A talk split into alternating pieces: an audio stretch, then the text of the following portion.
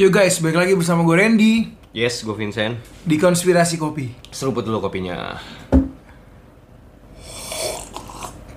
Mantul bro. Gila, kopi gajah ya. Yoi, Ini kita di endorse juga nih akhirnya. Nih. yoi. Akhirnya hari Kamis juga bre, kita rilis lagi. Rilis lagi Yoi. pasti. Kita Ini- pokoknya every Thursday ya. Every Thursday, setiap hari Kamis kita mulai eh, apa namanya coba untuk rutin buat buat para nemen-nemenin teman-teman yang suka konspirasi ya kan. Yes.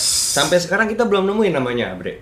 Na- Nama namanya masih di head to tail lah Head to sementara tail. ya Sementara, sementara. lo Siap, kalau siap. lo punya nama guys maksudnya sebutan untuk orang-orang yang dengerin kita Ya, ah. kasih suggestion lah Iya, komen ke apa ke sepi banget dari kemarin. Asli. Parah. nah gini Jen Hmm. gue kan tadi nelpon lo gitu ya Yes. gue tadi nelpon lu gue ngajakin Yeah. podcast sebenarnya gue bukan mau ngajakin podcast Hmm, nih sebenarnya ini kan lately ini gue denger denger kabar dari teman-teman lu kan udah join Illuminati nih Bangsan. iya kan Illuminati. cabang M Block katanya M Block anjing.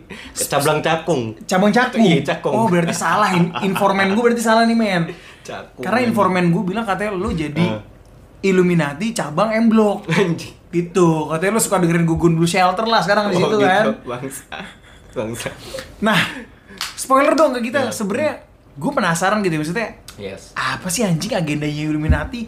Apalagi Mhm. setelah lo jadi anggota gitu maksud gua, mereka ngerekrut lo terus ya agenda lo lu orang tuh ngapain? Sebenarnya sih kalau dari segi enggak itu bercanda ya bangsat gua nggak bukan Illuminati anjing. Tapi maksud gua eh, agenda besarnya Illuminati itu ya kita tuh apa Illuminati itu ingin menjadi Tuhan dari semua umat manusia. Bangsat. Asli parah. Serius lu, men? Iya, itu punchline banget. Nah, tapi sebelum itu Bre, makanya lebih lebih baik nih gua jelasin dulu runutan kenapa bisa gua mencapai eh, statement tersebut gitu. Oke, iya, karena Yes. Mhm. sorry ya, maksudnya yang gue denger kan tuh kayak New World Order gitu loh. Yes, New World betul. Order bagaimana cara jadiin dunia tuh satu pemerintahan gitu ya. Satu pemerintahan di bawah mereka. Di bawah mereka Memang gitu ya. tujuannya itu. Cuma kan kalau gue berpikir tuh kayak ya paling lu jadi raja atau jadi apa Hmm. No, gitu. no, no, no, jadi Berarti mereka Tuhan. mau jadi Tuhan. Mau jadi Tuhan. Wah, anjing sih. Iya, kayak gitu Bre. Bangsat, bangsat, Parah bangsat. parah parah. Oke, ini Yes. gu- ini bener-bener gini loh. Ini akan menjadi kekhawatiran semua pihak nih kalau udah Iya, kayak gini iya, kan. iya, Mhm. iya. Gue pengen tahu deh, maksudnya gue pengen denger penjelasan dari lo kenapa lo bisa bilang kayak gitu. Mhm. Lo coba ceritain ke, ke gue deh sejarahnya tuh Oke. kayak gimana sih? Nah, ini dari sejarahnya dulu ya. Ini sebenarnya Bre, ini tuh eh, sambungan dari yang pernah kita bahas juga kali, konspirasi Wahyudi. Nah, buat Oke. teman-teman, sebelum lo masuk ke sini, lebih baik alangkah baiknya lo dengerin yang pertama itu dulu. Rilisan pertama kali kita tuh, podcast pertama kita tuh eh, apa konspirasi Wahyudi. Dengerin itu dulu, baru ketahuan tuh karena sebenarnya ini ada sambungannya. Ini sebenarnya sambungannya gitu. Oke, cuma kan dari si Yes. konspirasi Wahyudi itu lo nggak ada tuh nyebut kayak Illuminati ini mau jadi Tuhan atas umat manusia gitu Ini kan. enggak, enggak ada. Enggak Makanya ada. di sini tuh biaris gue trembling nih, gue rada Yes. Iya. gemeter kayak Yes. anjing lo jadi Tuhan nih. Ya memang semua arahnya ke sana, Bre. Karena kan waktu itu kita bahasnya sejarah eh eh, sorry, konspirasi Wahyudi sama ini sejarah Freemasonry. Sorry, sambungan dari sejarah Freemasonry. Oke, dua episode itu berarti ya. Iya, dua episode itu akan mengarahnya ke sini gitu. Wah, Kalau waktu itu kan anjing. kita bahas dari segi waktu itu eh, zaman apa eh, abad ke-13 Masehi masih awal-awal kan, masih Templars, terus dari Templars ke gimana dibawa ke Skotlandia kan. Yes. Nah, ini sebenarnya sambungannya, Bre. Wah, anjing, ngeri, Iya. ngeri, ngeri, ngeri. Nih, gue masuk ya. Masuk. Tumbler dulu nggak? Nggak, Tumbler dulu anjing. Karena gini loh. Eh. Menurut gua kayak wah anjing sih karena sorry ya kalau Iya, misalnya kita nurutin dari sejarah konspirasi Wahyudi, Yes. sejarah Freemasonry, Yes, yes. berarti yang ketiga kita udah kayak Lord of the Ring anjing. Masa sih trilogi? Trilogi Yo, gila. ih, Kali, tai, tai, tai, kali, tai, kali tai. ngeri, ngeri, ngeri. Nggak karena sebenarnya juga banyak juga sih teman-teman yang kayak, "Bang, lu ngomong doang katanya mau nyambungin. Ini sambungannya nih, gua kasih nih sekarang." Akhirnya, ya, akhirnya, ini. akhirnya. Gila buat lo orang-orang yang udah nungguin ini, parah. lo dengerin sampai habis lah. Asli, harus Nah. Kecewa lo kalau nggak dengerin sampai habis. No skip-skip ya. Ya. Lanjut Sen. Oke siap. Oke yang pertama-tama nih eh, kita tahu nih waktu itu kan eh, Freemasonry itu kan menyebar di Skotlandia gitu kan. Skotlandia itu Dan- awalnya. Betul. Dan di Skotlandia itu jadi banyak eh, orang-orang bangsawan yang menganut paham re- Freemasonry karena sembilan orang itu. Yes. Ingat gak yang Ingat sembilan gua. orang dari eh, apa namanya Templars gitu yang keturunan Templars. Akhirnya kan beranak cucu tuh kan. Akhirnya jadi paham Freemasonry ini eh, dikatakan bahwa ini gue pakai skrip ya teman-teman tapi gue eh, agak ngebaca dikit gitu jadi eh, Freemasonry itu sangat kental ditemukan dan sangat berpengaruh dalam perkembangan sosial budaya sejarah negara-negara Eropa khususnya Skotlandia. Nah, paham-paham ini berakar kuat dan mengendalikan segala aspek kehidupan. Nah, jadi bener-bener kayak apa tuh anak cucu itu tuh bener-bener masih pe- dipegang bre eh, paham Freemasonry itu gitu loh Ideologinya ya. ideologinya Templarsnya itu masih kepegang gitu. Nah, akhirnya si anak-anak cucunya keturunan Templar-Templar yang 9 orang ini, mereka bikin lodge. Lodge tuh kayak semacam perkumpulan, Bre. Tapi perkumpulan rahasia. Ah, kayak semacam bangunan yang dikhususkan buat mereka tuh untuk berkumpul di situ. Entah eh, apa namanya? pertemuan gitu, Per- pertemuan untuk membahas tentang teknologi, eh, bagaimana perkembangan manusia, ya pokoknya tentang kayak cendekiawan berkumpul aja. Oke. Iya kayak kayak orang-orang pintar ngumpul aja gitu sebenarnya. Kalau dari orang awam melihatnya gitu ya. Padahal Oke. sebenarnya itu mereka lagi ngebahas next planning apa nih yang kita mau buat gitu. Nah itu di Hmm. tanah Skotla- Skotlandia waktu itu ya. Itu eh, di abad 15-an. Nah setidaknya dikatakan bahwa ada 13 asosiasi lodge di seluruh Skotlandia. Itu contohnya misalnya Edinburgh, di Perth juga ada gitu kan. Terus ada yang namanya lo- loji sebenarnya kalau bahasa Indonesia itu loji. Di Bogor ada tahu daerah nama Di namanya Bogor? Loji. Ya lu search aja Google Maps. Di Bogor tuh ada loji kan? Ada, ada. Tempat perkumpulan berarti ya itu No, no, ya? no, kelurahan, Bre. Loji itu Kelurahan? kelurahan.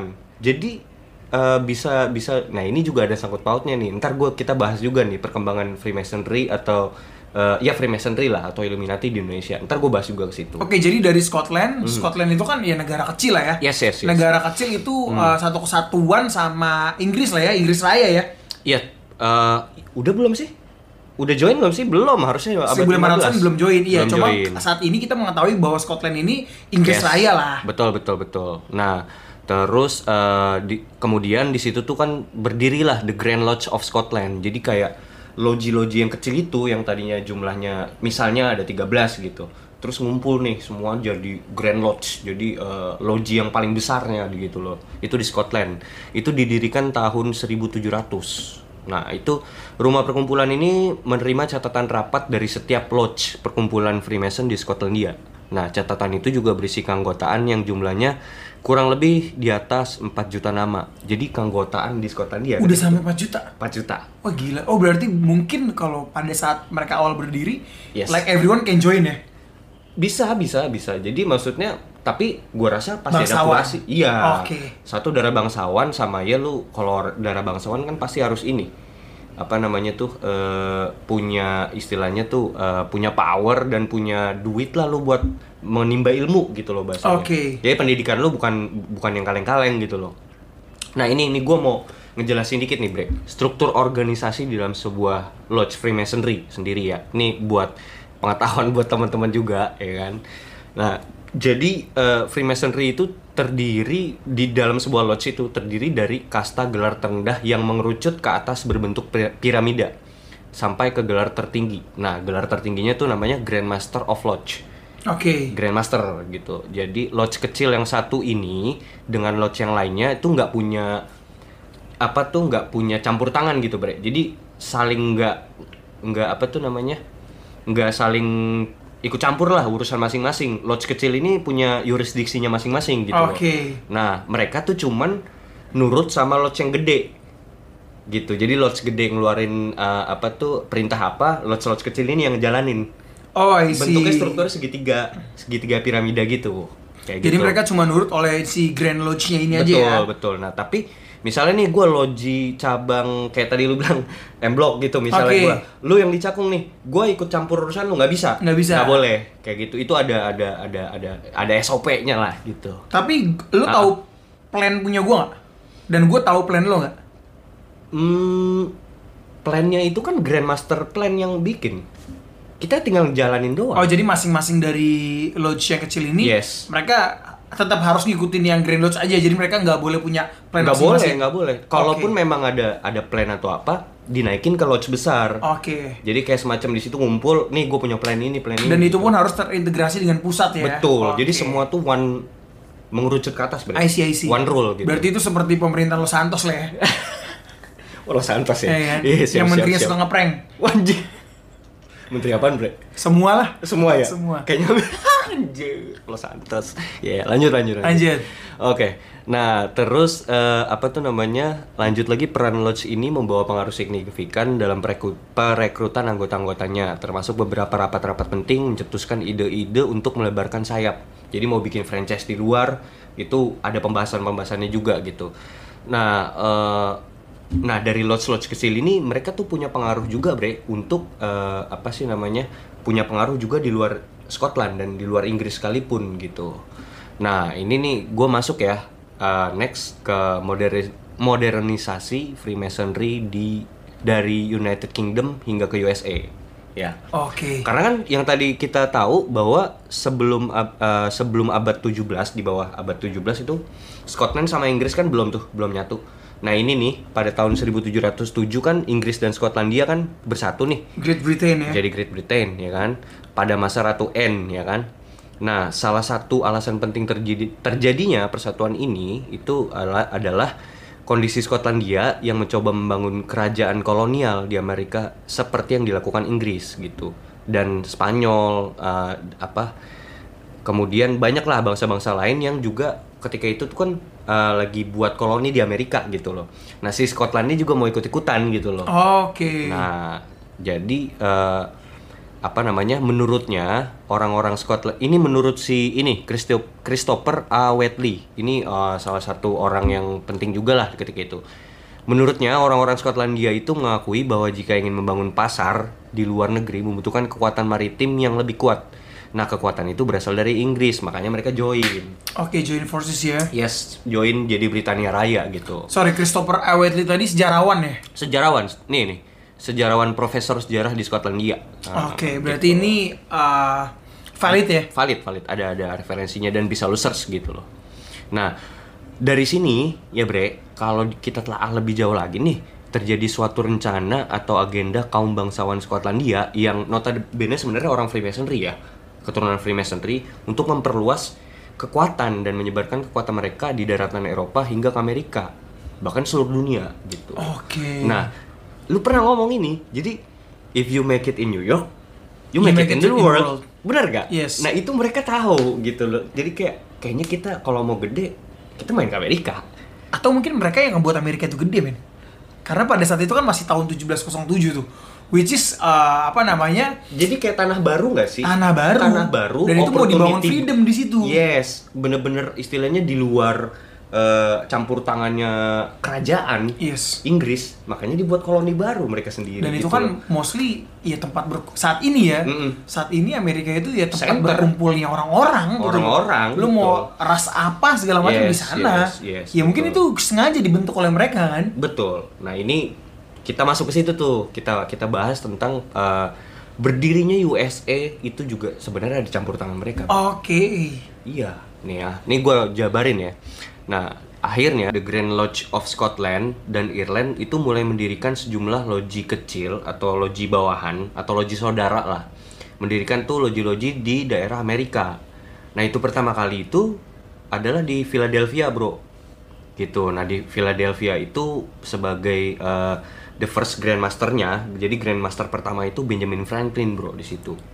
Benjamin Franklin. Yes. Founding Father of America. Ya, betul sekali. Iya, Oh, nah, I selain see. itu dia juga kerjasama sama eh, loji di Washington. Jadi kan ada loji di Philade- Philadelphia sama Washington tuh.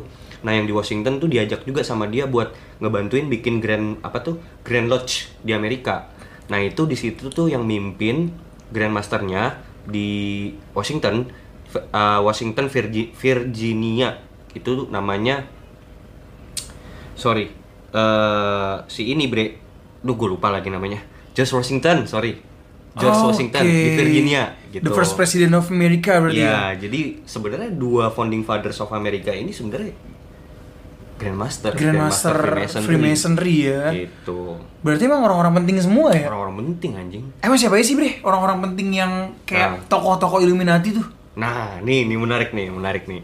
Nah, tokoh terkenal dalam Freemasonry tercatat ada 14 orang Amerika, eh, presiden Amerika Serikat.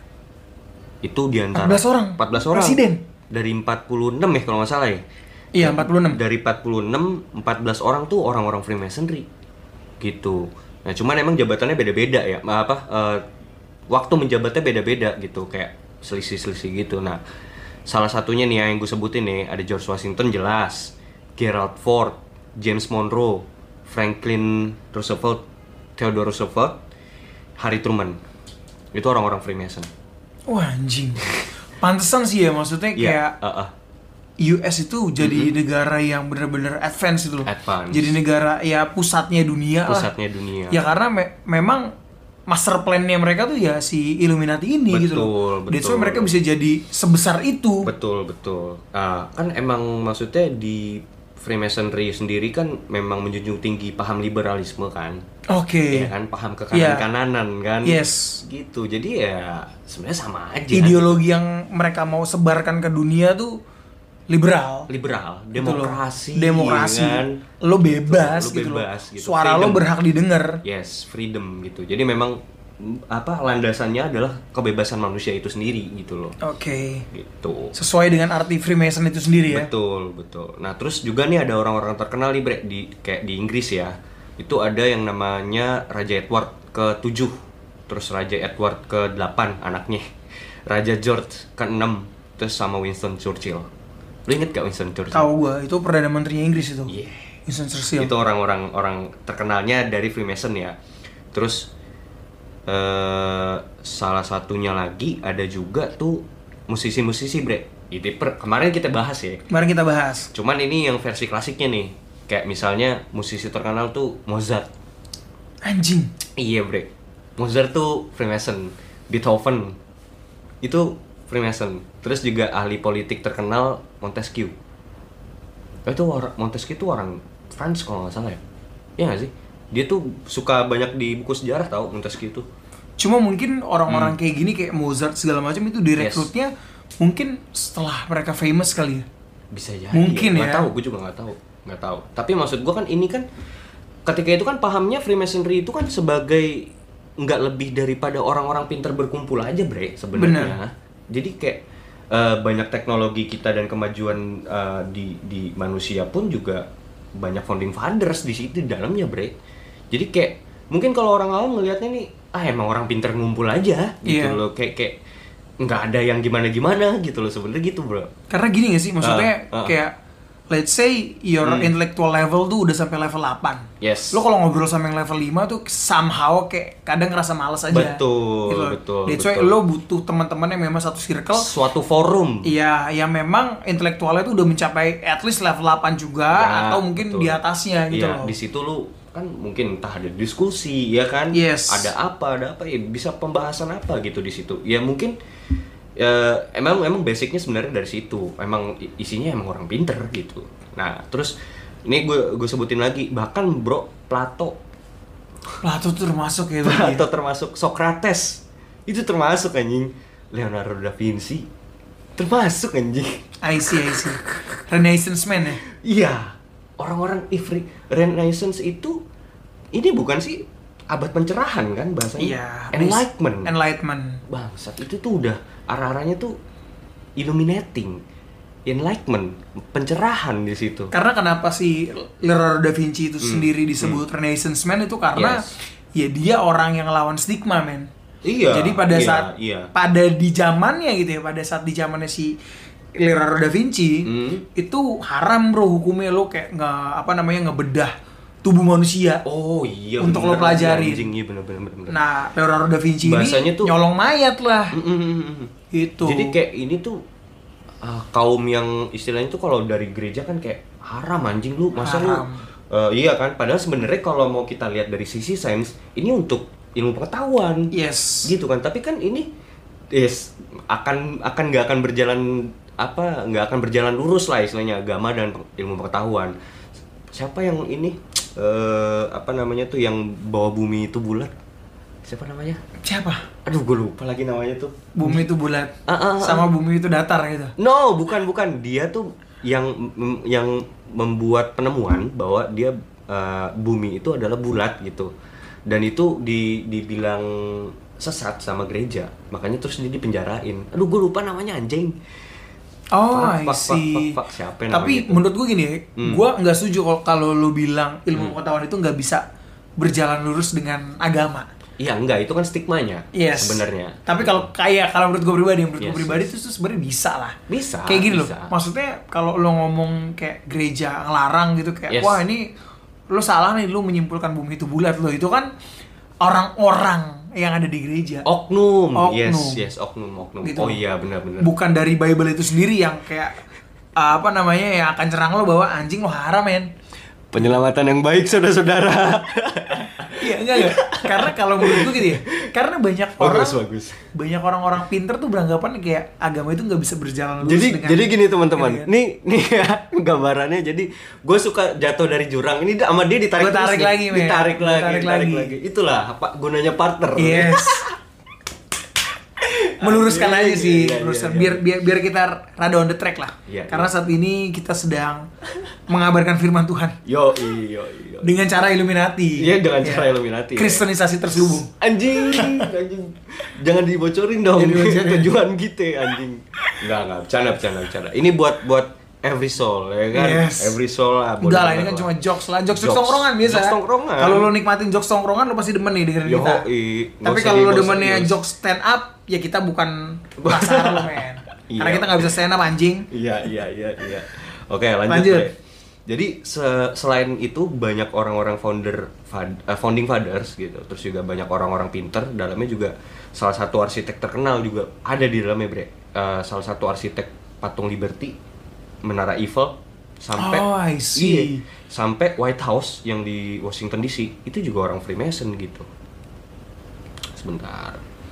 Nah terus eh, ada juga selain itu tuh, eh, nah buktinya, ini ini buktinya salah satu buktinya, salah satu bukti yang bisa ditemukan di bagian bangunan gedung putih itu ada tulisan The Scottish Rite, The Scottish Rite. ya, yang merujuk kepada cabang lodge saudara dari The Grand Lodge of Scotland. Sorry, the Scottish Rite itu maksudnya kan hak orang Scotland kan? Sco- the, the Scottish Rite, R Oh, E. Alright, oke. Yes. Oh, jadi kayak itu tuh merujuk kepada cabang lodge saudara dari The Grand Lodge of Scotland.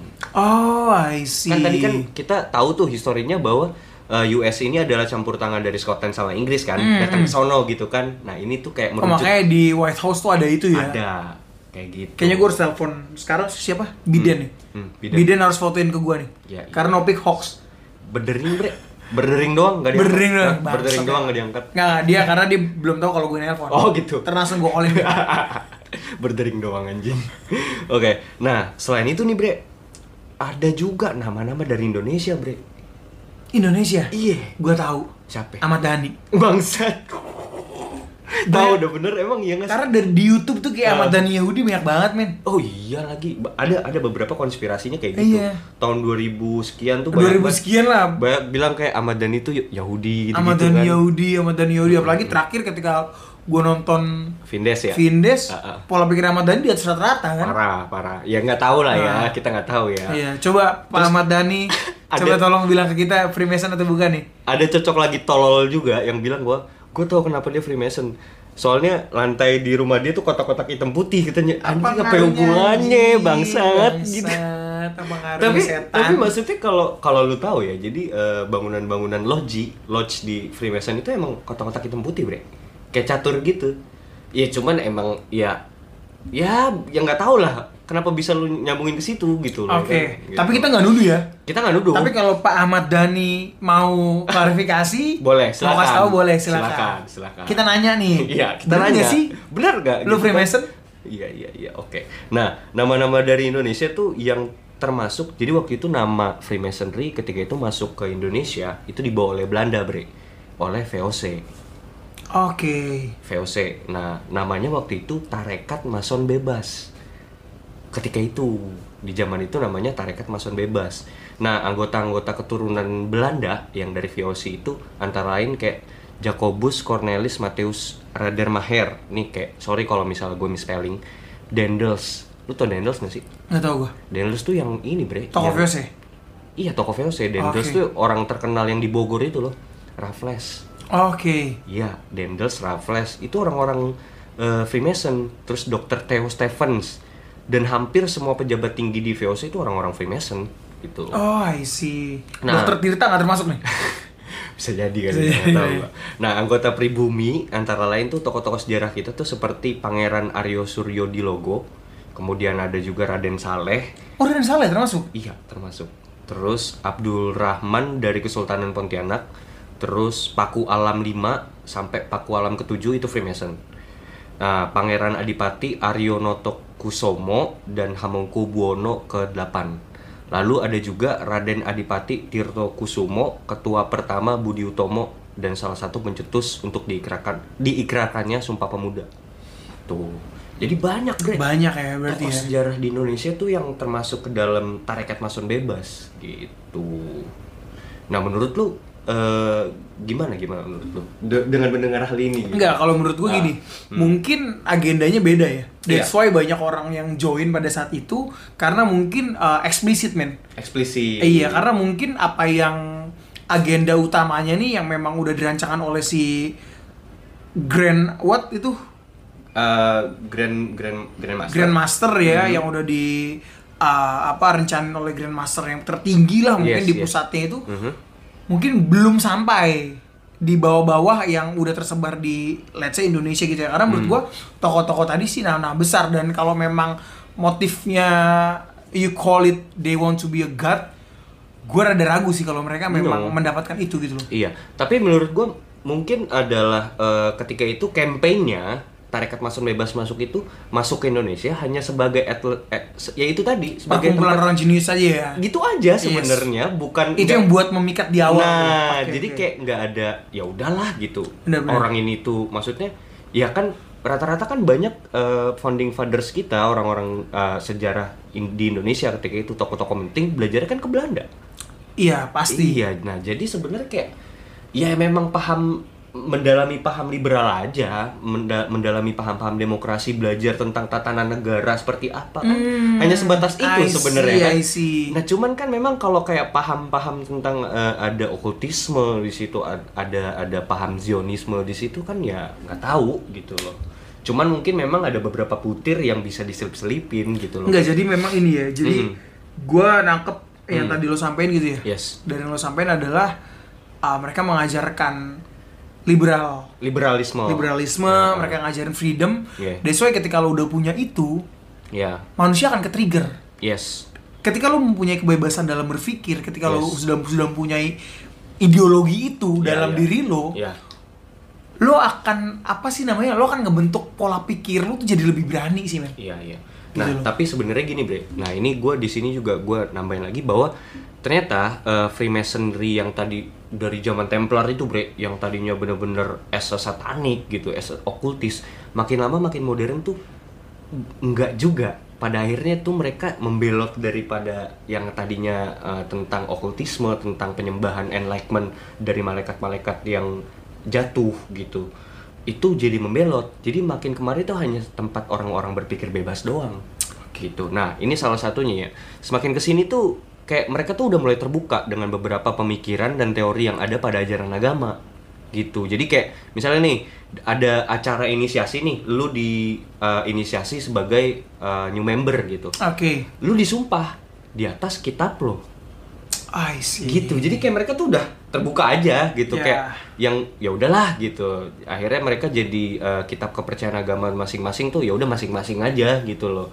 walaupun memang isinya tuh tempat pemikiran orang-orang bebas gitu marketingnya gokil sih. betul marketingnya Marketing gokil, gokil men. iya karena menurut gua Aha. ya itu cara untuk lo nge-attract so many people ya bukankah memang banyak agama-agama di dunia ini kan juga kalau mau masuk suatu eh, apa tuh society mereka masuk by kultur dulu By culture. Bener nggak? yes kayak gitu nah jadi tapi ya itu tadi namun biar gimana pun bibit-bibit ancient mason jadi akan terbagi jadi dua bre ancient mason eh, modern mason ancient itu yang masih megang paham-paham templars tuh paham-paham yang dari zamannya kuil salomo itu gitu itu ancient mason disebutnya Eh, itu akan kebagi dua jadi ancient mason itu alias keturunan mur- murni dari para templar itu akan tetap ada dan hadir Oke. di dalam badan gitu loh nggak mungkin bisa hilang nah keturunan murni inilah yang menjadi cikal bakal kelahiran induk organisasi Illuminati yang lebih jahat lagi gitu. Hmm, I see. Gitu. Jadi Freemason sendiri tuh terbagi dua sampai saat ini. Terbagi dua sebenarnya. Jadi ada yang ikut modernisasi, ada yang Yes. tetap stay di Ancient. ancient, itu ya. Uh-uh. Karena mereka keturunan dari Knights of Templar tadi. Betul. Nah, Oke. Nah ini nih eh, masuk nih gua nih jadi eh, eh, modernisasi dari Freemason itu sendiri menuju ke Illuminati. Nah Illuminati nih kayak semacam nih sorry ya tapi gua la- bahasanya tuh kayak eh, Freemasonry ini udah kayak perjanjian lama gitu bre. Oke. Illuminati ini perjanjian Old barunya. Testament, New Testament Iya, berarti tapi ya. kan bukan bukan something yang new kan, itu hanya pembaruan dari hal yang lama aja. Yes. Cuman diambil dari esensi yang paling benernya nih. Kayaknya kan orang-orang Freemason tuh udah mulai rada membelot gitu. Nah, di- dibuat lagi nih yang Illuminati yang baru gitu. Eh, dengan dengan ajaran pahamnya yang lama itu benar-benar dilestarikan lagi gitu loh, dipegang teguh lagi gitu. Oke. I see. Nah, Nah ini gue mau bahas nih Bre tentang makna simbol Illuminati itu sendiri. Simbol lu mata tahu- satu. Yes betul. Seperti baju gua nih. Yoi. Lu Mata satu ya. gokil gokil gokil parah sih parah parah. Illuminati rekrut gua cerita. Kontak gua Illuminati. itu bisa jadi cover ini tuh cover podcast. Bisa jadi cover ya. Yoi. Ini buat yang kalian penasaran nih langsung nih. Ntar gue fotoin deh. Iya, buat iya. yang kalian penasaran ya. Cover Illuminati. Nah ini kan kita tahu ya segitiga sama lambang mata satu ya. Yes. Nah, jadi ini kalau menurut simbologi, kalau dipelajari dalam ilmu som- simbologi tuh mata satu atau all seeing eye yang artinya mata sang maha melihat. Itu artinya diterjemahkan secara har- har- harafiah, itu mata yang selalu mengawasi gerak-gerik manusia. uh, pekerjaan manusia dan segala yang dilakukan manusia. Nah, menurut beberapa teolog mistik, all seeing eye ini mengacu kepada the watchers. Ah, sih. Iya, jadi kayak kan mereka kan gunanya buat apa? Nge-watch kan? Mm-mm. melihat kan melihat manusia kan apa yang dikerjakan manusia kan jadi kayak mereka tuh eh, ini interpretasi dari matanya The Watchers gitu Oke, tapi ada interpretasi lain tuh, tuh banyak yang nyebutin kan kayak itu mata ketiga gitu kan, ya Dajjal, mata ketiga itu kan. mata ketiga Atau mungkin kalau lebih dimodernisasi lagi ya, ya kalau yang gue lihat adalah Mhm. it's like a satellite, it's Ya, like Google iya, gitu. iya, loh. iya, iya. You can watch everyone ya ya from everywhere. yes yes yes Gitu loh. nah eh, mungkin beberapa referensi yang bisa diambil kayak Lord of the Ring tuh Sauron Yes. kayak gitu kurang lebih Iya kan? iya iya jadi kayak itu mata tuh bisa watch di di manapun lu berada gitu bakal kelihatan gitu loh sebenarnya Dan itu udah mulai ada sih ya, itu yang tadi gue bilang Google. iya anjing kenapa Iya kan? harus Google tuh simbolnya lu lihat deh kenapa harus kayak gitu sih bangsat mata gitu ya Iya kan? iya gitu loh maksud gua berarti kan dia watch watching you every time gitu even when you sleep bangsat bangsat gitu Iya kan? iya parah gitu loh Kalau kita runutin modern lagi ya, itu udah Iya. sebenarnya udah terjadi. Ya, nah buat yang nggak tahu The Watchers, eh, malaikat ini malaikat yang terjatuh. Lu bisa dengerin di Kitab podcast kita yang di Kitab Henok. Dengerin dulu biar lu tahu ya. Nah, makanya kenapa arti nama Illuminati sendiri adalah berarti yang tercerahkan, orang-orang yang tercerahkan, orang-orang yang i- enlightened Oke. terenlight, enlight, enlightenment di situ kan. Nah itu bisa diartikan orang-orang yang tercerahkan dengan ilmu pengetahuan. Nah ilmu pengetahuan dari siapa? Ilmu pengetahuan yang bukan dari Tuhan. Ilmu pengetahuan dari Manusia. malaikat-malaikat itu Oh, Oke. yang I see. dikembangkan oleh manusia-manusia gitu loh ya kan nah terus eh, menurut beberapa ahli juga merunutkan simbol ini dengan Iho Horus Horus tuh ini bre dewa sesembahan orang Mesir Iya. iya nah yang pers- ada di video klipnya si Katy Perry juga tuh kan? Betul, betul. Nah, personifikasi Dewa Horus itu sangat dekat dengan malaikat Azazel. Oke. Hmm, Terus kemudian sedangkan Dewara adalah semiazanya. Oke. Gitu kan Raka itu kan dewa matahari. Iya. Horus tuh yang punya sayap gitu kan. eh, elang kalau nggak salah dia tuh dewa yang menyerupai elang gitu. Nah, jadi di- si Horus ini si Azazelnya, semiazanya Sama Ra-nya. aja si Ranya ya. Iya, gitu. Sorry, Ra itu bukannya kayak bentuk burung ya? No, enggak. Ra itu dia eh, dewa matahari. Iya, Yang tapi- burung Horus. Eh, Bentuknya bukan kayak burung ya, Ra? Gua nggak tahu bentuknya, cuman yang gue tahu dia adalah dewa matahari. Gitu. loh. Oke. Kalau yang menyerupai burung itu Horus kali. Soalnya Heeh. Iya kalau lo main Yu-Gi-Oh gitu ya. Yogi oh anjing. The Winged Dragon of Ra, men. Iya. Iya kan kayak burung gitu kan? Iya, Kayak burung gitu, tapi yang gue tahu Ra itu adalah Emang dewa matahari, iya. Iya, iya. Cuman gua nggak tahu persen, Bentuknya gitu ya? bentukannya kayak gimana. Tapi yang gua tahu malah si Horus itu yang kayak burung gitu. Oke. Nah, lanjut. Kan selain ada mata, di situ ada segitiga nih, Brek. Nah, ini di sini ada konspirasi menarik lagi nih dalamnya nih. Jadi, simbol segitiga yang ada pada lambang Illuminati itu sendiri dikaitkan dengan tiga entitas, yaitu Adam, Hawa, sama Iblis. Setan. Gitu. Jadi di sini ada cinta segitiga di sini. Anjing, Anjing ya? anjing. Anjing ya? Parah ya? Emang konspirasi konspirasi Konspirasi tai. Konspirasi Gila, bangsat ya. gila, gila. Gila, Dengerin nih, gila. bakal bakal main blowing banget loh parah nih. Nih. Jadi bahwa kejahatan atau evil atau dosa itu sendiri lahir dari tiga entitas itu sendiri. Gitu. Oke. Filosofinya adalah itu. Dalam ajaran-ajaran satanisme pun dan ilmu sihir witchcraft bahwa pengikut-pengikutnya itu percaya kalau Hawa bukan hanya tergoda dengan ajakan si ular, tapi melainkan melakukan hubungan badan dengan si ular atau si iblis itu Oke. gitu dari situlah makanya muncul keinginan Hawa untuk mempengaruhi si Adam kayak gitu jadi ya apa ya si dosa ini tuh muncul dari tiga entitas itu sendiri nah makanya untuk mengingatkan bahwa manusia tuh nggak luput dari dosa sebenarnya itu lambangnya kayak gitu Oh, itu untuk kepercayaan dari Illuminati itu sendiri ya. betul betul dan dan banyak orang yang menganut satanisme okultisme witchcraft itu mempercayainya gitu gitu nah tapi eh, kalau dari sisi pengetahuannya simbol piramida itu sering dikaitkan dengan bangunan piramida di Mesir kan Mesir, ya. gitu. Nah, simbol ini untuk mengingatkan dan menunjukkan bahwa beta- betapa hebat keagungan kemampuan kecerdasan manusia dapat membangun suatu bangunan atau monumen yang sangat megah dan bisa bertahan kokoh hingga sekarang dengan teknologi kecanggihan ilmu pengetahuan gitu loh. Nah, ini tuh jadi kayak semacam monumen yang mengingatkan kita manusia bahwa kita nggak butuh tuan anjing. Kayak gitu. Oke. Bahwa tuh Bangunan ini adalah bukti bahwa Tuhan tidak bisa merobohkan apa yang dibuat oleh tangan manusia. Anjing. ya? Oke, oke. Gitu loh. Jadi ini semacam monumen Simbol lah ya. simbol kesombongan manusia. Simbol gitu loh. keangkuhan lah ya. Simbol keangkuhan, semacam kayak menara Babel itu. Babel. Gitu. Tapi ini versi mungkin lebih kecilnya gitu ya. Yes, gitu. Nah, nah ini gua apa? Gua ceritain dikit lah sejarah Illuminati. Semoga nggak terlalu panjang nih ya. Eh, ini Hmm. Enggak, sorry. In brief tuh arti simbolnya tuh apa? Secara singkat deh. Secara singkat arti simbol mata satu lu lah tiga itu yang apa? yang inilah yang apa yang menjabarkan aja lo jabaran lu apa yang tadi pas gue jelasin Ya Tuhan. Iya, Kalau kan? gua sih ya. Ah. Kalau gua ya karena kayak lo mata itu you can see anyone from Iya, everywhere. iya, Ya lo kalau bukan Tuhan siapa lagi tuh? Betul. Terus bangunan tadi yang lo bilang segitiga itu, tapi bukan literally Tuhan kan maksud lo maksudnya Tuhan dalam artian ingin menjadi Tuhan gitu Yes. oke iya kan pada dasarnya emang arahnya ke sana bre gitu loh oke, kayak isi Iya. Nah, ini gue gue ceritain dikit ya. Jadi secara historis nama i- nama Illuminati itu berasal dari Illuminati Bavaria. Nah, pendirinya itu namanya itu adalah Adam Weishaupt.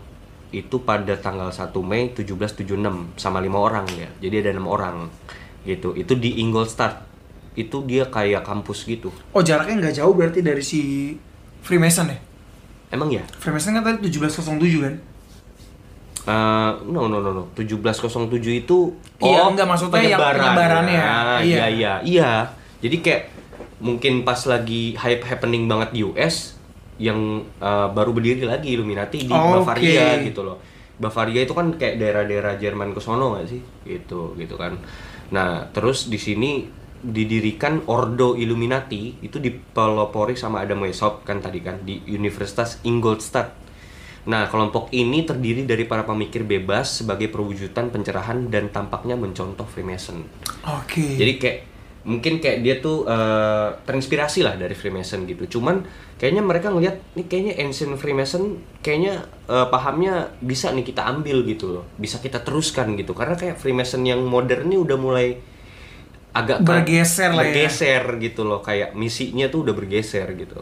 Nah, tujuan didirikan organisasi ini kurang lebih sama sih sebenarnya kayak Freemason yaitu salah satunya memerangi memberantas paham-paham agama dan menjunjung tinggi roh, rasionalisme dan menjadikan ilmu pengetahuan di atas Tuhan.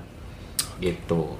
Nah, jadi di- bisa ditemukan bahwa Illuminati adalah organisasi yang tercerahkan oleh Freemason gitu. Kemudian eh, sang founder sang founder sendiri Adam Weishaupt itu diinisiasi diinisiasikan sebagai seorang mason di lodge Theodor Zum Gutenrat itu di Munich di Jerman tahun 1777. Jadi dia juga masuk mason bro sebenarnya. Berarti dia ada di dua organisasi tuh. Iya, jadi mungkin kayak dia belajar juga kali di Mason gitu kan. Terus beberapa paham yang oke menurut dia diambil sama dia gitu loh. Oke. Terus dia bikin sendiri gitu loh. Kayak gitu. Nah, berarti dari sini kan kita bisa tahu nih bahwa Lodge Freemason sendiri juga mengakui ternyata Bre mengakui pendirian Illuminati sebagai bagian dari Freemason. Freemason. Kayak gitu. Nah, nah Adam Weishaupt ini sebenarnya orang keturunan Yahudi. Dia itu eh, berkebangsaan Jerman dan diyakini memiliki darah murni keturunan dari Templars. Gitu. Nah, di dalam agendanya ketika mendirikan organisasi Illuminati, ya itu tadi mau ngembalin paham ancient Freemason itu dilurusin lagi sama dia gitu. Nah, tapi lebih parahnya lagi dia ingin merencanakan sesuatu yang lebih jahat lagi dibanding Freemason, Bre. Kayak gitu, lebih jahat lagi gitu loh Lebih jahatnya dalam hal apa nih? ya eh, dari segi maksudnya eh, paham Templarnya itu dikerucutin lagi sama dia terus mungkin akan dijabarin sama dia tuh lebih lebih spesifik lagi gitu bro ini apa sih yang kita bisa capai untuk menuju menjadi Tuhan para manusia ini dispesifikain lagi sama Oke, dia gitu loh. Hmm. mungkin gini ya, in other words tuh dengan cara yang lebih kejam mungkin ya. Yes, betul. Nah, kemudian gini bro, ini salah satunya nih, eh, salah satu rahasia yang ada di dalam Freemason itu sendiri. Ternyata ada satu bre. Ah, ini anjing nih, ini, ini gokil nih.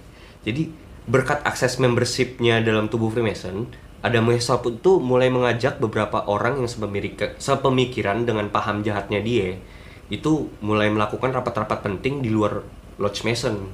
Jadi di luar itu mereka meneruskan cita-cita dari ini nama nama agendanya ada The Elders of Zion, The Protocols of Zion. Jadi ini protokol-protokol dari para tetua tu- pe- tetua-tetua Zionis Oke. gitu. Ini gue disclaimer dulu ya, maksudnya Zionis di sini nih yang dimaksud ad- Zionis itu bukan orang-orang Yahudi, tapi Zionis itu punya ini ideologi loh, bukan Yahudi gitu loh. Beda-beda. Oh lebih ke arah ideologi ya Zionis Iya, ini ya. iya, ideologi Jadi kayak like Zionis. everyone can join Zionis. Iya. Can be a Zio- Zionis. Zionis gitu. Nah, kemudian lanjut sebentar ya. Mungkin ada yang lu mau inin, Bre. Ah lanjut dulu deh. Lanjut lagi ya. Nah, eh, semenjak ka- ada kehadiran Illuminati di dunia nih, nanti gue bahas tuh yang eh, protokol of Zion. Tapi ini gue masuk lagi ke sejarahnya. Semenjak kehadiran Illuminati di dunia, ideologi antara anggota Freemason di seluruh dunia tuh mulai terpecah, Bre. Yang tadi gue bilang, yang tadi ada yang tadinya ada hanya sekedar berkutat di Freemason dengan tetap memegang prinsip brotherly love, relief and faith, ada yang mengikuti Illuminati gitu. Jadi pecah juga tuh dari badannya Freemason. Oke. Masuk Freemason Mason gitu kan terus meneruskan eh, ajaran Templars yang notabene adalah New World Order gitu. Nah, kemudian eh, sampai saat ini Freem- Freemason yang mengkonvert dirinya menja- menjadi, seorang Illuminati secara diam-diam berjuang mewujudkan New World Order. Mereka itu berusaha melawan meruntuhkan gereja sorry gereja Katolik Roma dan semua keyakinan yang ada di dunia karena dianggap sebagai musuh utama dari sang Father. Fathernya siapa? Bre? Ih satan. Satan atau Lucifer atau everything yang lu kenal lah gitu intinya mereka tuh manggil entitas itu father gitu father of understanding Sama lah kayak kita manggil Tuhan itu Yes, father gitu yes. ya. mereka tuh kayak copycat aja cuman r- yang versi membelotnya sebenarnya kayak gitu loh nah terus di situ juga ada 13 garis keturunan yang paling penting bagi Illuminati bre The Great 13 Illuminati Bloodlines salah satunya John Jacob Astor ini gue sebutin semua aja deh Theodore Robert Bundy Collins Family DuPont Glor- keluarga kerajaan Denmark Freeman Family Morgan Freeman bre Anjing. iya anjing Masih. Iya, Freeman Family. Kennedy. Enggak lah.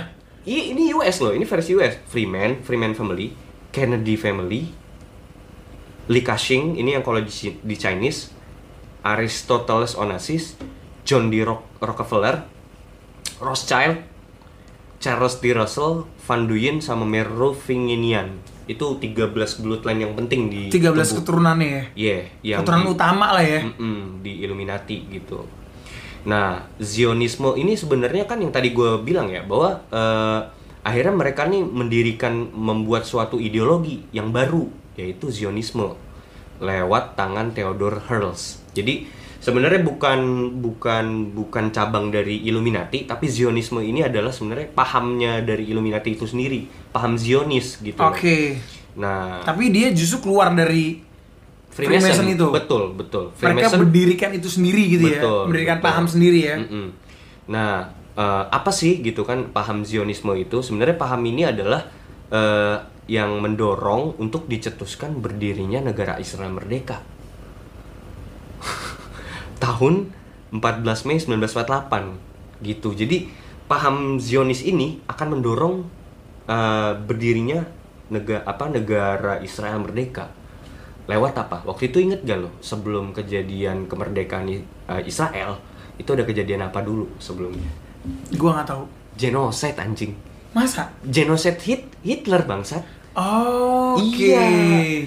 Dan lu kalau mau tahu ya, jadi ternyata ya, ini ini konspirasi lagi, konspirasi lagi bahwa sebenarnya kejadian sejarah seperti Holocaust yang dijalankan oleh oleh Nazi itu Hmm. waktu itu adalah bagian dari agenda propaganda sebenarnya. Itu udah jadi grand plan ya berarti. ya? Grand plan anjing itu Iya. sebenarnya Anjing. cuma grand plan doang. Berarti dots-nya tuh saling integrated ya, saling Oh, berhubungan oh, ya oh, oh. titik-titiknya ya. Iya, nah jadi Hitler itu juga sebenarnya cuman figur boneka anjing, cuman figur ini ini konspirasi ya. Iya. Bahwa eh, dipercaya bahwa Hitler itu cuman figur boneka, instrumen buatan mereka. Tujuannya apa sih gitu? Tujuannya untuk memberikan image keprihatinan dunia bahwa populasi bangsa Yahudi yang ada di dunia itu telah berkurang.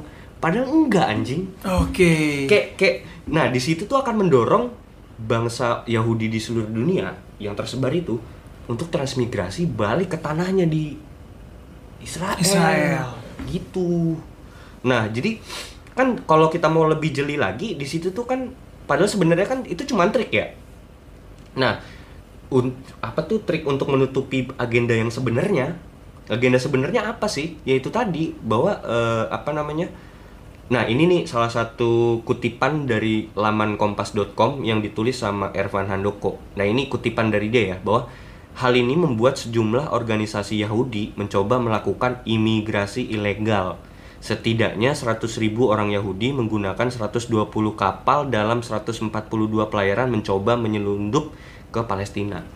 Jadi Oke. kayak yang tadinya nyebar balik semua tuh ke tanah Israel itu dengan apa tuh ada propaganda si Hitler yang lakukan itu kan padahal sebenarnya nggak ada pemusnahan anjing gitu itu Oke, konspirasi ya iya, iya, itu konspirasinya gitu nah lanjut pada artikel itu akhir 1940-an kebijakan Nazi atas bangsa Yahudi adalah mendeportasi mereka dari Eropa ke tempat lain belum sampai pada taraf memusnahkan sebenarnya gitu untuk mengeluarkan bangsa Yahudi dari Eropa Nazi Jerman menyewa tiga kapal di Romania yaitu Atlantik, Pasifik, dan Milos secara total mengangkut 3.600 orang Yahudi balik ke tanahnya gitu loh. Nah, hal ini mesti dilakukan oleh mereka untuk terwujudnya pembentukan State of Israel sebagai bentuk usaha mereka dalam mewujudkan suatu negara dengan sistem New World Order yang berdaulat sesuai yang diperintahkan dalam protokol South Zion. Oke. Nah, ini gue lagi-lagi gue disclaimer lagi hal yang perlu diketahui di sini adalah Judaisme. Judaisme itu kan paham Yahudi Hmm. sama Zionisme beda nih. Karena Judaisme itu kan kepercayaan agama Yahudi, Zionisme ini ideologi. Oke. Beda ya? Beda. Beda, beda. Bahwa karena sebenarnya eh, orang-orang Judaisme sendiri, orang-orang Yahudi, rabi-rabi pemuka agama Yahudi juga sebenarnya menentang gitu menentang Zionisme gitu. Gue disclaimer mulu anjing. Pokoknya itu intinya gitu deh gitu. Nah, Illuminati itu mendesain ideologi Zionisme ini sebagai alat untuk menebar fitnah, kebencian antara sesama umat beragama. Mereka mengadu domba, menghasut, bahkan mendanai demi tujuan yang licik. Zionisme hadir sebagai pihak keempat dan merupakan dalang dari pertikaian antar tiga agama samawi dari zaman dulu sampai sekarang dan akan terus mengadu domba negara-negara untuk berperang yang tidak berkesudahan hingga akhir zaman supaya apa memang sejatinya itulah yang mereka agendakan dan cita-citakan nah itulah terbentuk suatu agenda di dalam protokol South Zion itu adalah tujuan dari Novus Ordo Seclorum yaitu New World Order Gitu, Bre. Anjing ya. Ada yang perlu lu Anjing ini ya, dulu berarti. nggak? Iya, parah sih. Nah, ini ini kita oke. semakin dekat nih kepada grand master plan-nya sendiri. Master plan-nya sendiri, tujuan akhirnya. Ini kita semakin dekat nih, gitu. Oke oke. Mm-mm. Kalau menurut gue pribadi sih Yes. terkait Hitler tadi gitu ya, gue cuma mau komen sedikit maksudnya. Kalau terkait Hitler tadi, menurut gue pembantian itu bener terjadi sih. Oke. Jadi Hitler itu bener-bener membantai Yahudi itu Genocide, menurut gue itu terjadi gitu Iya. loh. Tapi memang it's the part of the plan ya. Iya, iya. Mungkin it's the part of the plan untuk apa? Untuk eh, memang ngebuat citranya si Nazi ini jadi jelek Iya. gitu loh karena gini ya balik lagi gue sangat sangat percaya bahwa sejarah itu milik pemenang Mm-mm. karena pada saat itu yang menang s- bukan Hitler Yes. yang menang pihak Sekutu sekutu gitu ya atau yang notabene adalah Ya. Freemason atau apapun itu. that's why dibuat seakan-akan Hitler tuh jahat banget gitu loh. Iya. mungkin memang bener dia jahat tapi kan jahat untuk kalangan tertentu gitu loh Iya. Iya kan Padahal sebenarnya kalau di eh, negaranya sendiri dia pahlawan. yes Ketika itu ya. ketika Yes. Itu. gitu. Ya untuk bangsa murni Jerman, Mm-mm. ya mungkin dia pahlawan gitu loh. Iya. Tapi ya balik lagi sejarah itu milik pemenang. Jadi terserah pemenang lah lu mau nuliskan apa gitu. Eh, nah, jadi di, lu penasaran gak nih sama Protocols of Zion nih beberapa nih gua gua ungkap dulu ya Hmm. Oke. kita. Sebagai spoiler mungkin nanti next episode kita bahas- bisa bahas nih karena sebenarnya jadi ini sebenarnya eh, Protocols of Zion itu tuh apa sih, Bre? Jadi itu ada d- sebuah dokumen yang sempat ngelik, sempat Oke. bocor dari FBI, Bre. Anjing, Parah nggak? Parah nggak, anjing? Jadi ini konspirasi, konspirasi, konspirasi. Jadi ini adalah dokumen yang tadinya classified sama FBI. Nah sekarang udah unclassified. Jadi udah udah dibocorin nih sama FBI bahwa ini pernah ketemu dokumen ini bahwa agenda dari Illuminati itu sendiri.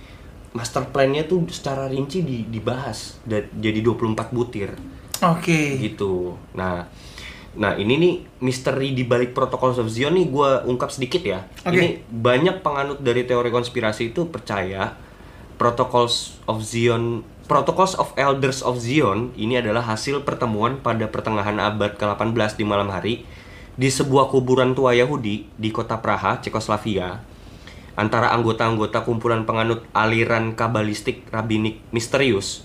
Bagaimana di tengah malam itu s- eh, ada iblis muncul di tengah-tengah mereka. Entah di summon, entah di apa, di hadapan 12 orang-orang yang berkumpul atas nama ke-12 suku Israel. Itu merancang suatu persengkongkolan Yahudi lewat gerakan utama mereka yaitu Zionisme, Nazisme, dan Komunisme. Nah, buku protokol ini berisi langkah-langkah yang telah ditetapkan oleh para hakom. Hakom itu tetua tetua orang Yahudi lah zaman dulu gitu, cendekiawan Yahudi. Isinya catatan notulen pembicaraan yang dilakukan di dalam setiap rapat mereka, serta berisikan 24 bagian protokol atau ayat yang mencakup rencana politik, ekonomi, keuangan, manipulasi media pers, kesehatan, dan pendidikan dengan tujuan menghancurkan setiap bangsa dan pemerintahan non-Yahudi serta menyiapkan jalan bagi kebangkitan the false messiah Oke. atau antichrist. Nah, itu mereka percayanya antichrist tuh kayak profetnya mereka, Bre. Gitu. Mereka tuh sangat mendambakan yaitu tujuannya untuk kehadirannya si antichrist ini. Nah, makanya tadi inilah kenapa mereka sangat mengincar tanah Yerusalem di Palestina selain untuk menguasai minyak, juga untuk menyebut eh, merebut tanah ini dan merobohkan Masjid Al-Aqsa untuk dibangun kuil Nabi Sulaiman yang baru demi wujudkan tujuan ini. Karena mereka percaya bahwa Antikris itu lahir di tanah itu. Oke, berarti Gitu. mereka mempersiapkan lah ya. Mempersiapkan mempersiapkan soal- kedatangan Mm-mm. Antichrist ya. Nah, ini gue punya evidence-nya nih. Ya, evidence-nya tuh bisa lo temuin ya artikel resmi pada tahun 2012 tentang rencana renovasi pembangunan kompleks Masjid Al-Aqsa oleh Israeli Orthopedic Association. Itu ada di eh, websitenya Republika. Itu linknya ntar bisa gue taruh lah nanti. Dan hal ini juga udah tergenapi yaitu ketika Trump, bre. Waktu itu Trump ketika kunjungannya ke Israel memindahkan US Embassy itu yang tadinya gua nggak tahu di daerah mana di Palestina tapi dipindahin ke Yerusalem. Ke Tel Aviv ya. Hah? Iya ya? Nggak Iya, tahu. Tel Aviv, Dan Yerusalem. meresmikan pembangunan kembali kuil Salomo di Yerusalem pada tahun 2018. Tahun 2018 dia ini, Bre, apa? eh, pelepa- peletakan batu pertama. Hmm, I see, I see. Trump yang ngelakuin itu. Ini ada nih linknya tuh. Tuh di www.aa.com tuh. Terus juga ada di YouTube nih. Oke, I see. bisa bisa lu lihat banget bisa lu diakses cari, ya. bisa Kayak lu akses teman-teman lu kalau cari mau coba sendiri akses gitu ya. bisa langsung situ. iya lu lihat tahun 2018 Trump ngapain coba ke ke Yahudi ah ke Yahudi lagi ke ke Palestina. Palestina, ke Yerusalem gitu buat itu peresmian apa namanya eh kuil temple itu gitu loh ya. buat Temple of Solomon ya. pertanyaan gue gini ngapain anjing dia kan US nggak ada hubungannya kan sama negara Israel ini gitu loh kayak ngapain kenapa harus Trump Iya. Sebenarnya kalau dibilang gak ada hubungan, itu kayak like everyone knows mereka tuh ada hubungan. Ih, Gitu loh. iya, Hmm, nggak cuman maksudnya kalau kita secara dari kacamata orang awam, Yes, Hmm, yes. ngapain anjing? Iya kan? Mm-mm. Gitu loh, ngapain Trump gitu. Mm-hmm. Iya Gitu, makanya nggak- nggak. maksudnya kayak semua orang tuh harus tahu gitu harus tahu bahwa Hmm. ya petinggi-petinggi US itu ya orang Israel anjing. Orang berkebangsaan Yahudi, darah Yahudi gitu. Iya. loh. Iya. Nah, ini juga beberapa eh, New World Order yang eh, apa sih yang bisa dibocorin nih sama seorang Mason, Bre. Jadi, seorang Mason waktu itu pernah ngebocorin hal ini ke suatu majalah. Majalahnya namanya New Age. Dia bilang di sini dia nulis ini ya artikelnya. Ini gue cuman eh, mengutip aja ya. Nah, maksud Tuhan adalah untuk menggabungkan semua ras, agama, dan kredo atau iman. Rencana ini didedikasikan untuk menyip- menciptakan sebuah tatanan baru bagi segala sesuatu untuk membuat sebuah bangsa yang baru, ras yang baru, peradaban yang baru, dan agama yang baru. Yaitu agama yang tidak se- sektarian dan yang telah lama ada, yang sering disebut cahaya besar atau the great light. Melihat ke belakang, maka kita dapat melihat tangan yang membimbing manusia bekerja untuk menciptakan sebuah tatanan yang baru atau novus ordo seclorum. Nah, eh, novus ordo seclorum sendiri itu bisa lo temuin bre di mana coba?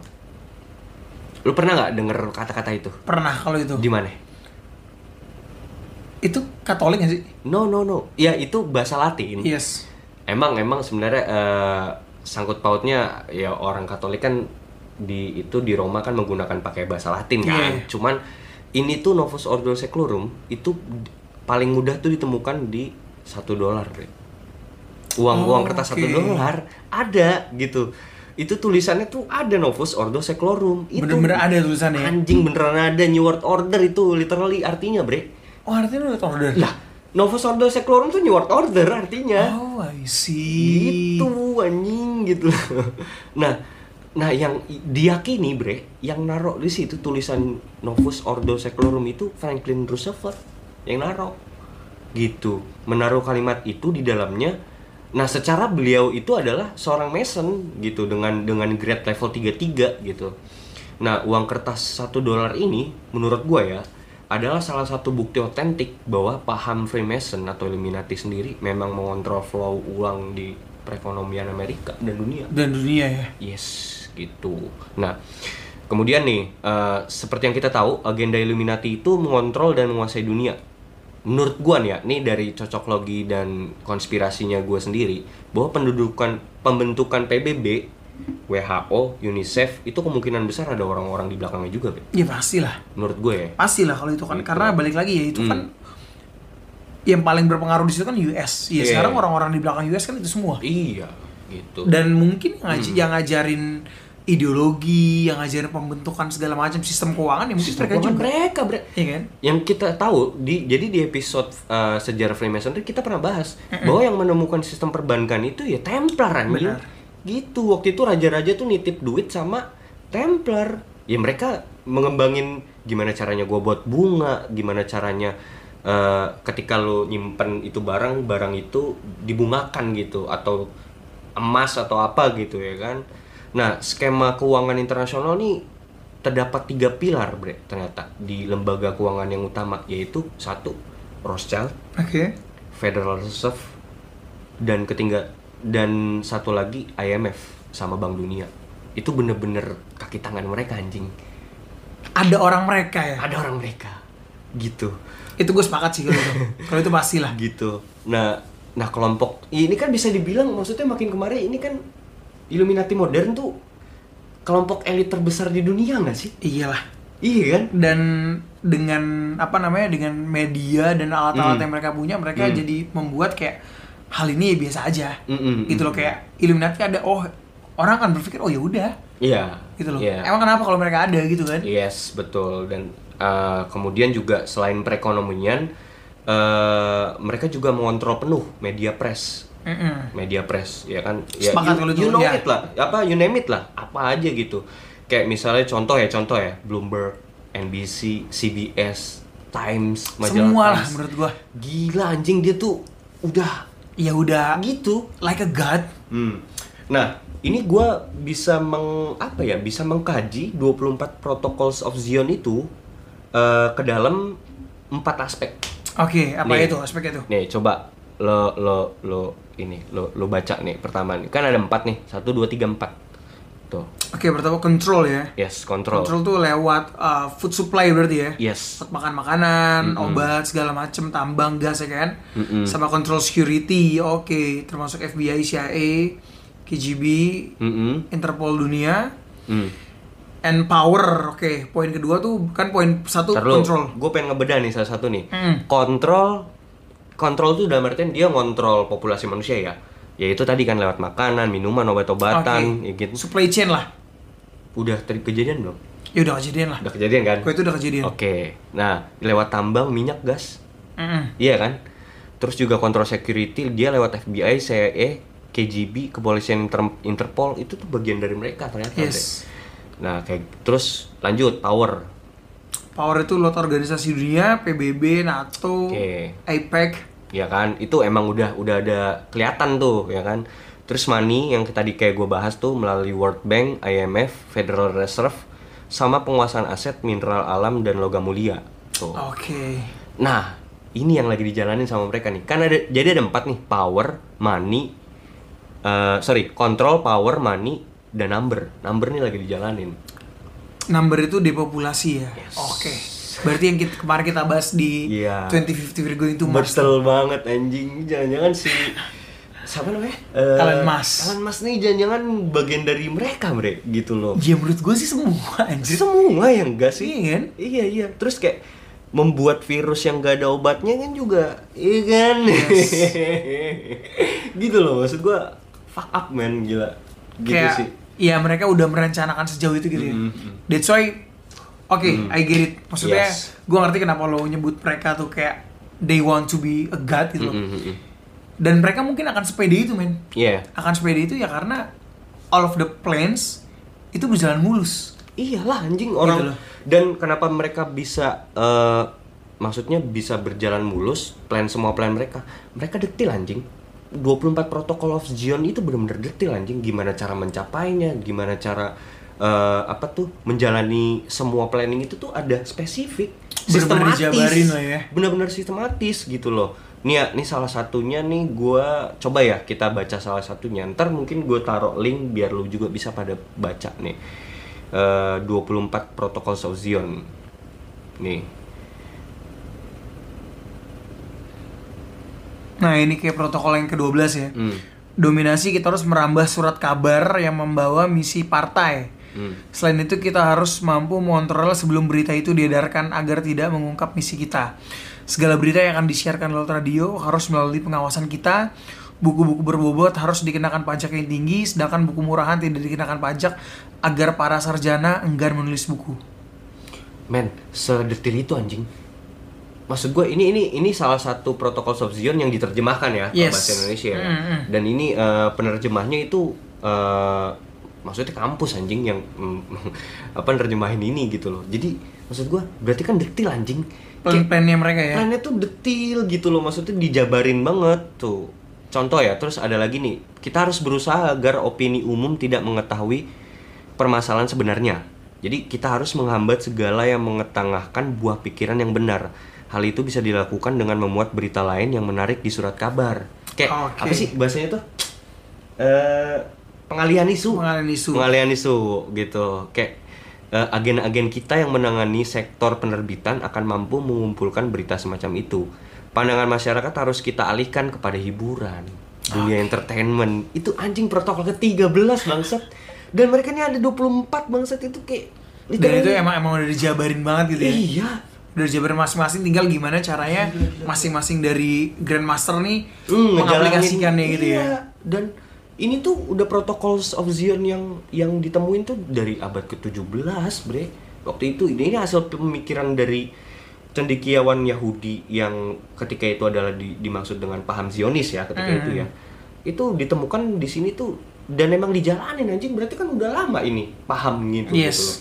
dan ya lagi berjalan gitu bangsat sih fuck up sih bre gitu gua speechless anjing kayak gitu nah menurut gua ini protokol 24 protokol subsidi ini perlu dibahas bre Oke. kita kita kita apa kita belah lagi nanti mungkin Siap, di siap. next, next episode kayak Berarti gitu. mungkin nih setelah kita ngebahas nih bahwa apa namanya ya at the end of the day they want to be like that and it happens gitu loh. Iya. Maksudnya lo semua bisa ngeliat dari evidence evidence yang udah kita jabarin Iya. ya memang ke arah sana ya nanti tinggal kita bahas nih. Iya. Dari protokol of visionsnya itu sebenarnya planning-planning apa sih yang udah mereka buat yang secara detail Iya, gitu loh. Iya, karena menurut eh, kalau misalnya teman-teman search gitu ya, Protocols of Zions itu udah banyak banget yang bahas, Bre. Itu di Google banjir banget. Di- Kayak itu tuh bener-bener konspirasi yang orang umum tuh udah tahu gitu. Oh, kayak kayak oke.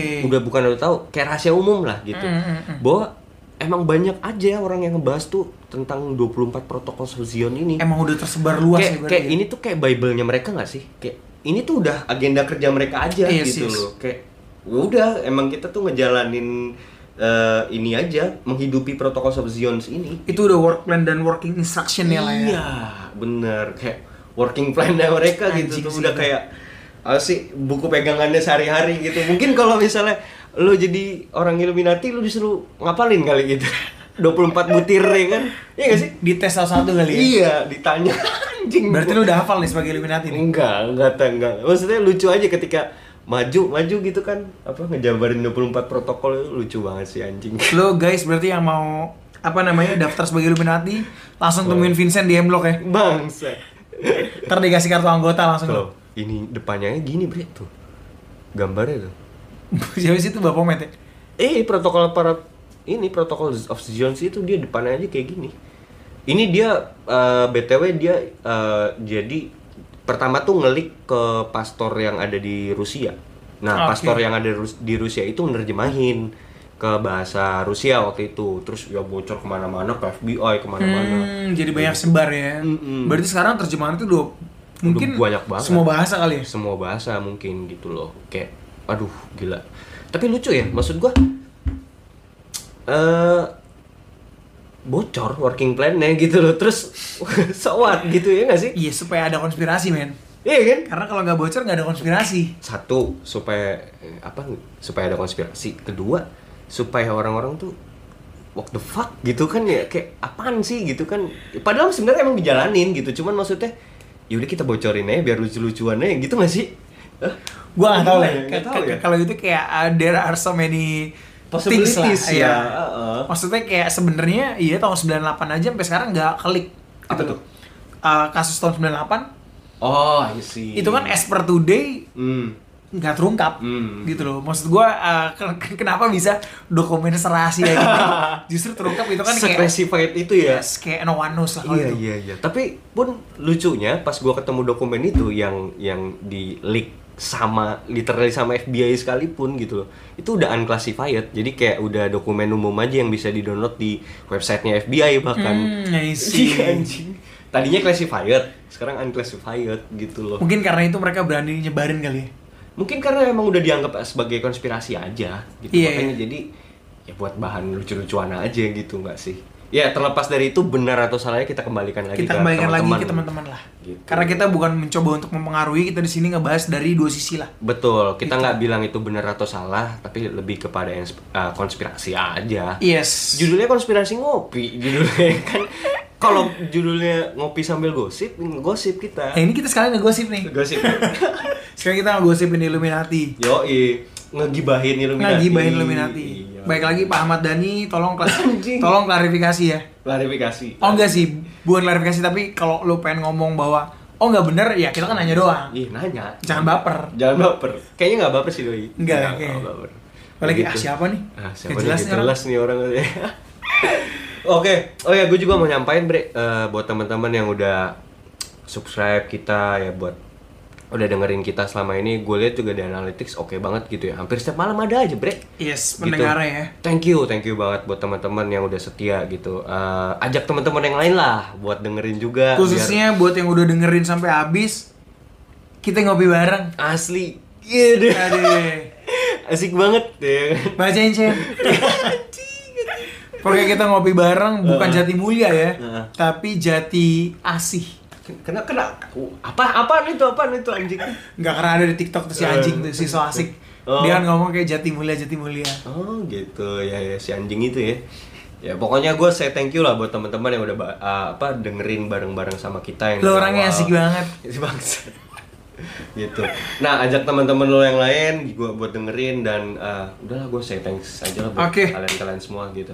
Five, four, three, two, one, close the fucking door. Yes.